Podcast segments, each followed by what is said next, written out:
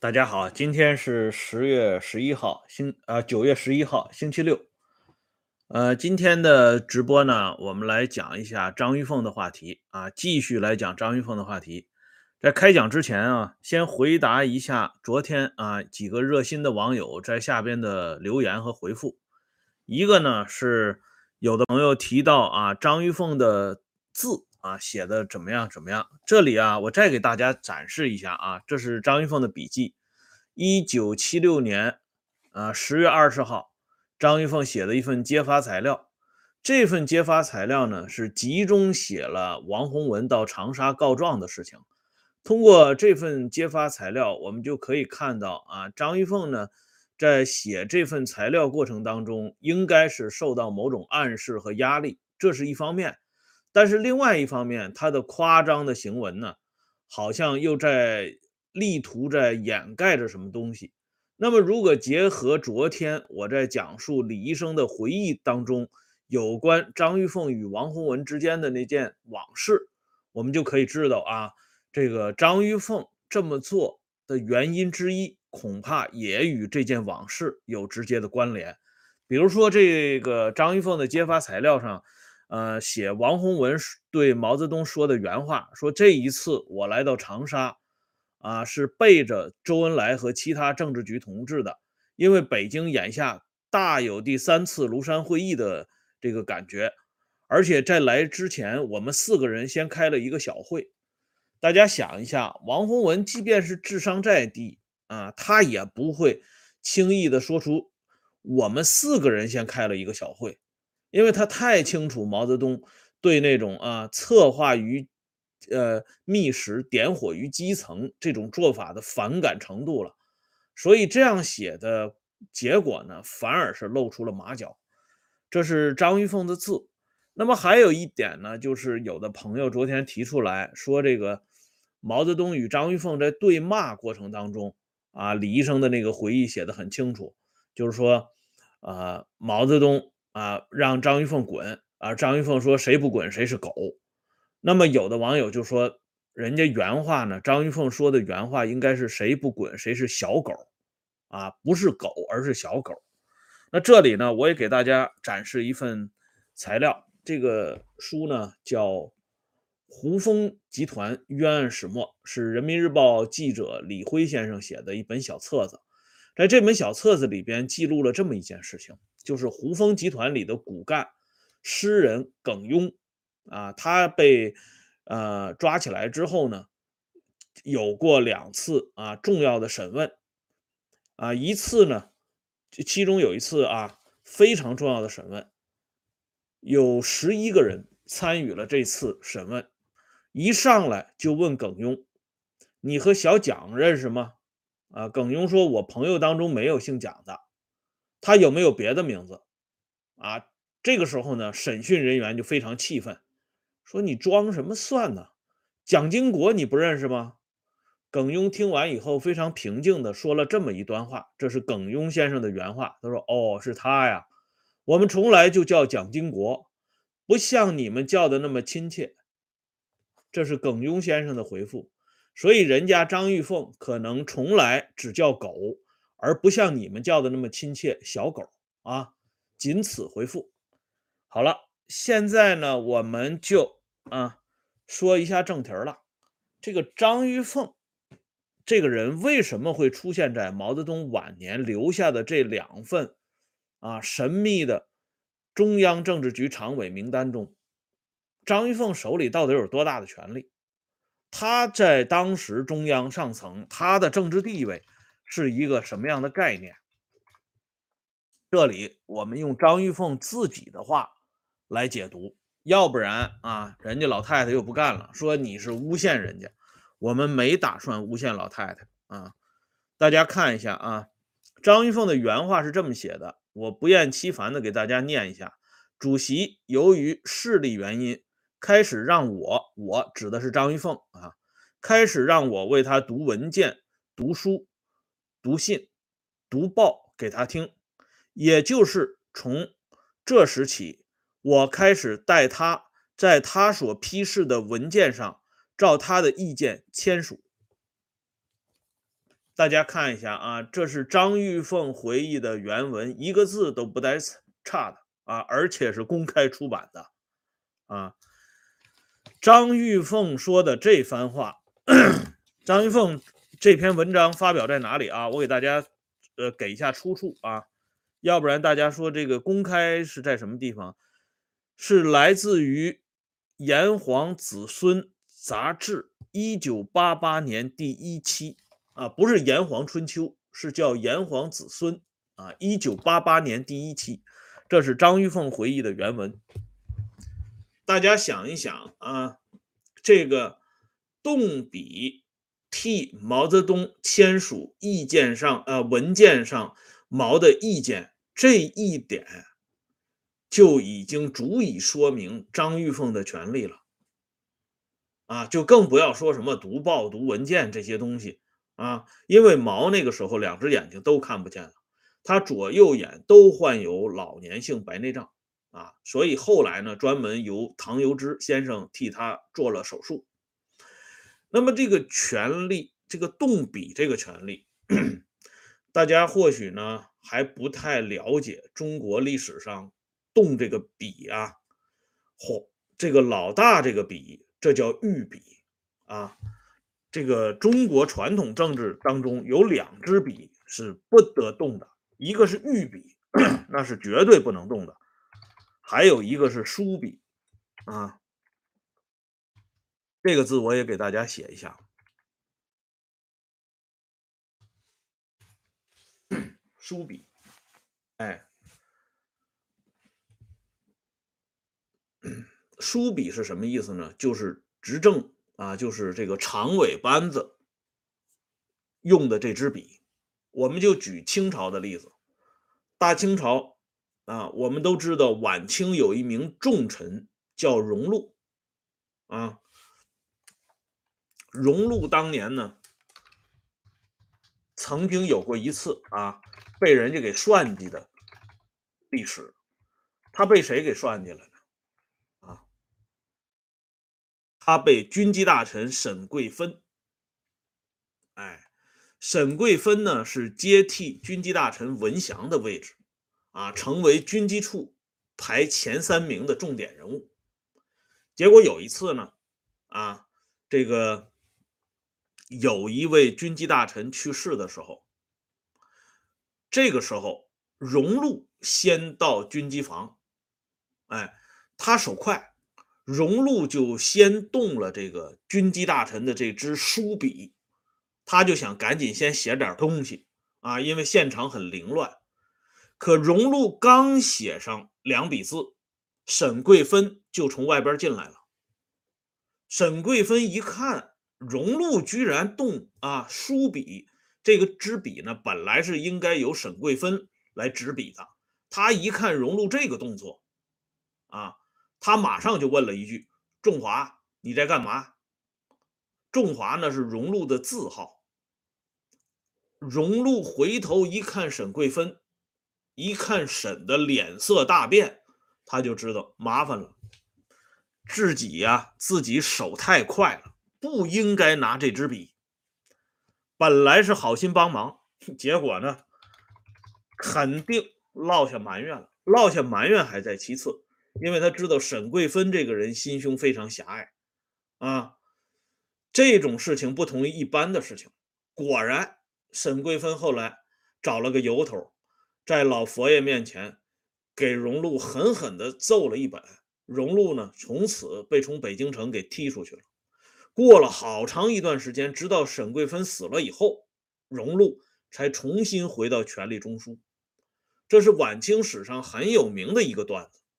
这个段子的名写的就是荣禄善动书笔，啊，可见这支笔那不是什么人都可以随随便便拿起来的。而书笔比起御笔来说，那简直是一天一地的差距。书笔再重要，你毕竟是奴才，而御笔是主子用的笔。但是御笔到张玉凤手中，那就不一样了。因为这是毛泽东亲手交到他手中的。那有的人或许问了啊，张玉凤他的这个水平能驾驭这么浩繁的中央文件吗？他知道这个朝政是什么概念吗？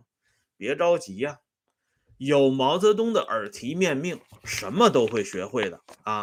张玉凤晚年自己说的啊，他对来访者是这么说的：“他说，张玉凤啊，在毛泽东那里学到了不少东西。张玉凤谈起这一点来，滔滔不绝。大家想想，滔滔不绝是什么概念？”张玉凤说：“他先是给主席读大参考，就是一般意义上的内参啊。后来读文件，有不懂的东西，主席都要给他讲解。过几天还要提问，连写字，主席都亲手教过。”张玉凤感激地说：“我有现在的水平，和老人家的教导是分不开的。”啊，张玉凤的这两笔字呢？比起徐才厚的话呢，还是差很多。但是在从他的这种背景来讲，这字写的就算是可以的了。而大家想一想啊，这是老大手把手亲手教出来的，是学生。而且读文件、读参考过程当中，老大肯定会有一些啊具体的观点，这些东西无微不至的啊。熏陶着张玉凤，大家看过李汉祥先生导演过的一部老电影，就是刘晓庆和梁家辉主演的《火烧圆明园》。那里边呢有一幕场景，就是大清国的咸丰皇帝手把手教自己的宠妃那拉氏啊批改奏章的那一一段啊。这个咸丰皇帝告诉啊，这个批奏折最重要的两句话。两就是四个字啊，横支，横着批一个字叫横支，什么意思呢？知道了啊，皇上了解这件事儿了。那么竖着竖着写呢？啊，还有一个字啊，竖意啊，横支竖意，把这四个字。搞清楚了，这奏字奏折你就搞通了一半了。竖意是什么意思呢？就是你如果拿不定主意，就是写上交部议处或者交军机大臣议处啊。用翻译到今天的话，就是政治局同志们议一议，就这么回事儿。哎，横之竖议，同时呢还有一些什么掐痕啊。对这一段话呢。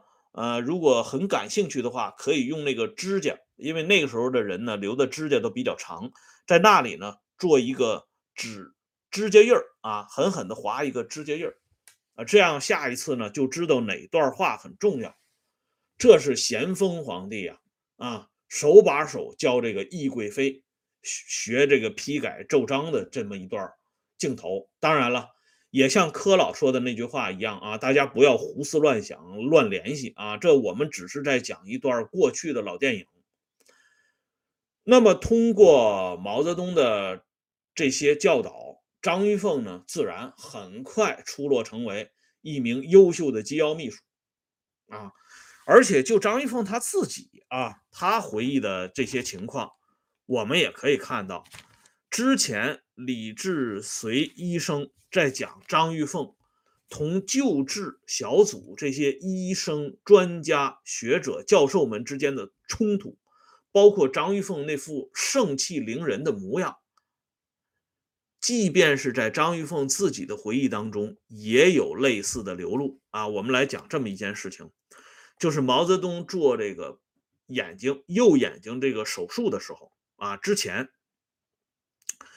当时为毛泽东做手术的是唐由之教授，所以张玉凤上来啊，就跟唐由之打招呼，说啊，这这一次手术成功率能不能达到百分之百？这唐医生呢，实话实说，他说有百分之七十到八十的把握，顶多有百分之九十的把握。这个时候，张玉凤自己补了一句话，他说：“说实在，当时我很幼稚，特别希望他说百分之百的啊把握，那多好啊！张玉凤很谦虚啊，只说自己很幼稚。其实当年他在现场可不仅仅是幼稚那么简单啊，他的脾气之大，他的这种啊骄横跋扈，我们在之前的节目里边已经给大家讲述了。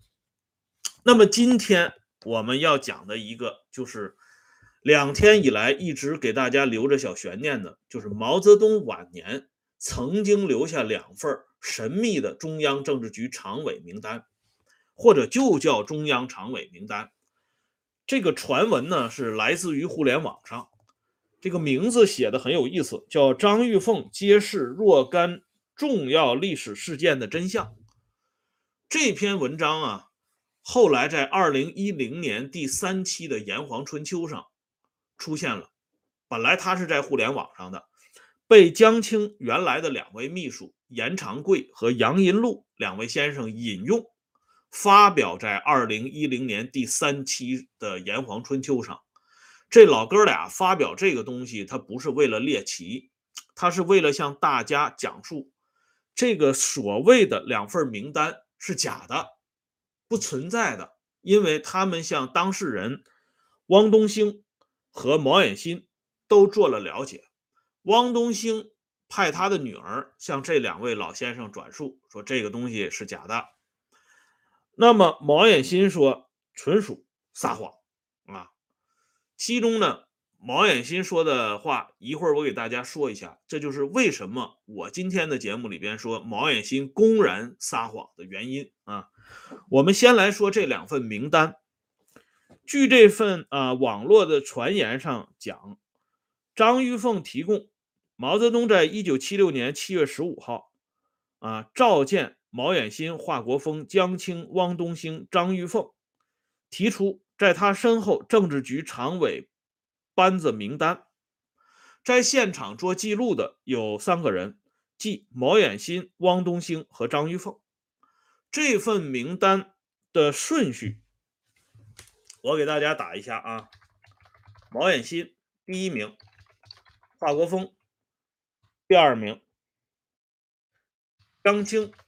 第三名，陈锡联第四名，季登奎第五名。哎，这份名单呢，这是七月十五号这份名单。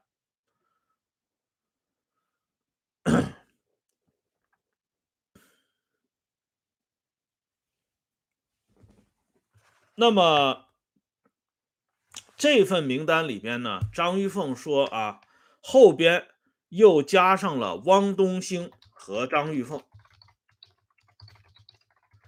一共是七个人，有别于啊之前的那份名单啊，就是说在这次记录之前，毛泽东还有一份名单，那份名单里边就是五个人：毛远新、华国锋、江青、陈锡联、季登奎，而那一次呢，记录者有毛远新和张玉凤。第二次记录者增加了汪东兴，第二次常委名单增加了汪东兴和张玉凤，这样一共是七个人。啊，呃，据这个网络的传言，上边还讲了这么一段故事啊。江青啊听完以后呢，让毛泽东重复一次，啊，又多问了一句：“那洪文同志和春桥同志同志不进吗？就是不进常委吗？”毛泽东。啊，表示你好幼稚啊！说江青好幼稚，老帅儿、春桥、洪文都不进啊，都不能进常委。哎，张玉凤呢？这个所谓的张玉凤的传闻就是这么来的。那这个传闻啊，这个严长贵和杨银禄两个人对这件事情很重视。因此，他专门请教了汪东兴，还有毛远新。啊，关于汪东兴的回应呢，我们稍后再提。我们先来看看毛远新是怎么说的。啊，因为当时毛远新的地位很重要，他是联络员呢。哎，奔走于毛泽东与政治局之间。哎，尤其他又是毛泽东的直系亲属啊。毛远新的回复是这样说的：二零一零年一月三十一号下午，严长贵打电话给毛远新，毛远新说：“啊，毛远新是明确坚定的回答，胡说八道。从一九七六年以后，除了你好之类的简单话，主席说话谁也听不懂了，连张玉凤也听不懂。”相互交流都是用笔写，谁要说有这件事情，请他拿出文字证据来。啊，于是呢，严长贵和杨荫禄两位老先生就得出个结论，他说：“核实表明，这完全是一篇编造的谎言。”这是《炎黄春秋》刊登的这么一篇原文啊，大家看一下，公开出版的。可是毛远新说的这个话呢，有的人就不乐意了啊！你毛远新确实身份地位很特殊啊，也是当时重要的见证人，但不是说你有这样的身份，你就可以胡说八道，可以公然撒谎。那么我们来看一个核定本，二零一四年的《炎黄春秋》的核定本啊，这核定本上有这么一篇文章。政治局常委名单之谜，啊，作者呢是军事科学院军事历史研究部副部长、原任副部长李维民先生。副标题就是毛远新的话难做定论。他这个论文呢写的很长啊，我不可能给大家一一来宣读。这里呢，我就挑李维民先生说到的一个要点给大家讲一讲。他的要点切中要害，就是毛远新当时说了啊，他在二零一零年一月三十一号下午的电话里明确讲的，他说主席那个时候说话谁都听不懂了，说呢除了你好之类的简单话啊，剩下的这些话可能都说不出来了。而且即使说出来，别人也听不懂，连张玉凤这样的人都听不懂。事实是这样吗？啊，我们且不说李维民先生列举的那些例子，我们就来看一一个人，他是毛泽东与贺子珍的亲生女儿。啊，这个女儿在描写他跟他老爹最后一次见面的过程，这应该是比较真实的。而且这本书呢是由辽宁人民出版社公开出版的，啊，要说这辽宁他就能办大事儿啊。这本回忆录里边不仅有李敏本人的口述，啊，李敏呢还拿到了第一手档案资料，就是毛泽东九月八号这一天啊，这救治的全过程的原始资料也刊登在这本书当中。而李敏说的这番话与毛远新所说的啊。主席除了你好之类的啊，等等这些简单的话还能说一说，说的其他的话啊，谁都听不懂，那是大相径庭。由此呢，我们就可以看到，这毛远新呢是在撒谎啊。这李敏啊，在毛泽东病危期间，曾经几次去看过自己的亲爹啊，在毛泽东年谱当中呢也有记载啊，比如说这个。一九七六年八月二十八号上午，毛泽东在病床上见女儿李敏，啊，这是毛泽东年谱里边公开记载的。但是这一次见面呢，没有最后一次见面，呃，生动有意思，画面感更强烈。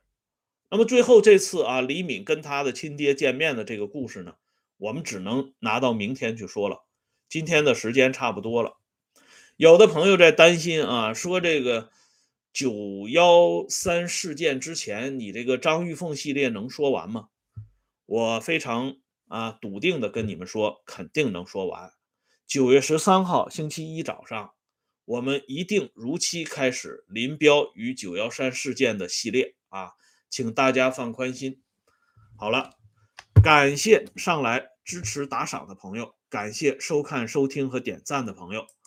欢迎大家关注“温相说时政”会员频道，周一到周日经常有更新。再见。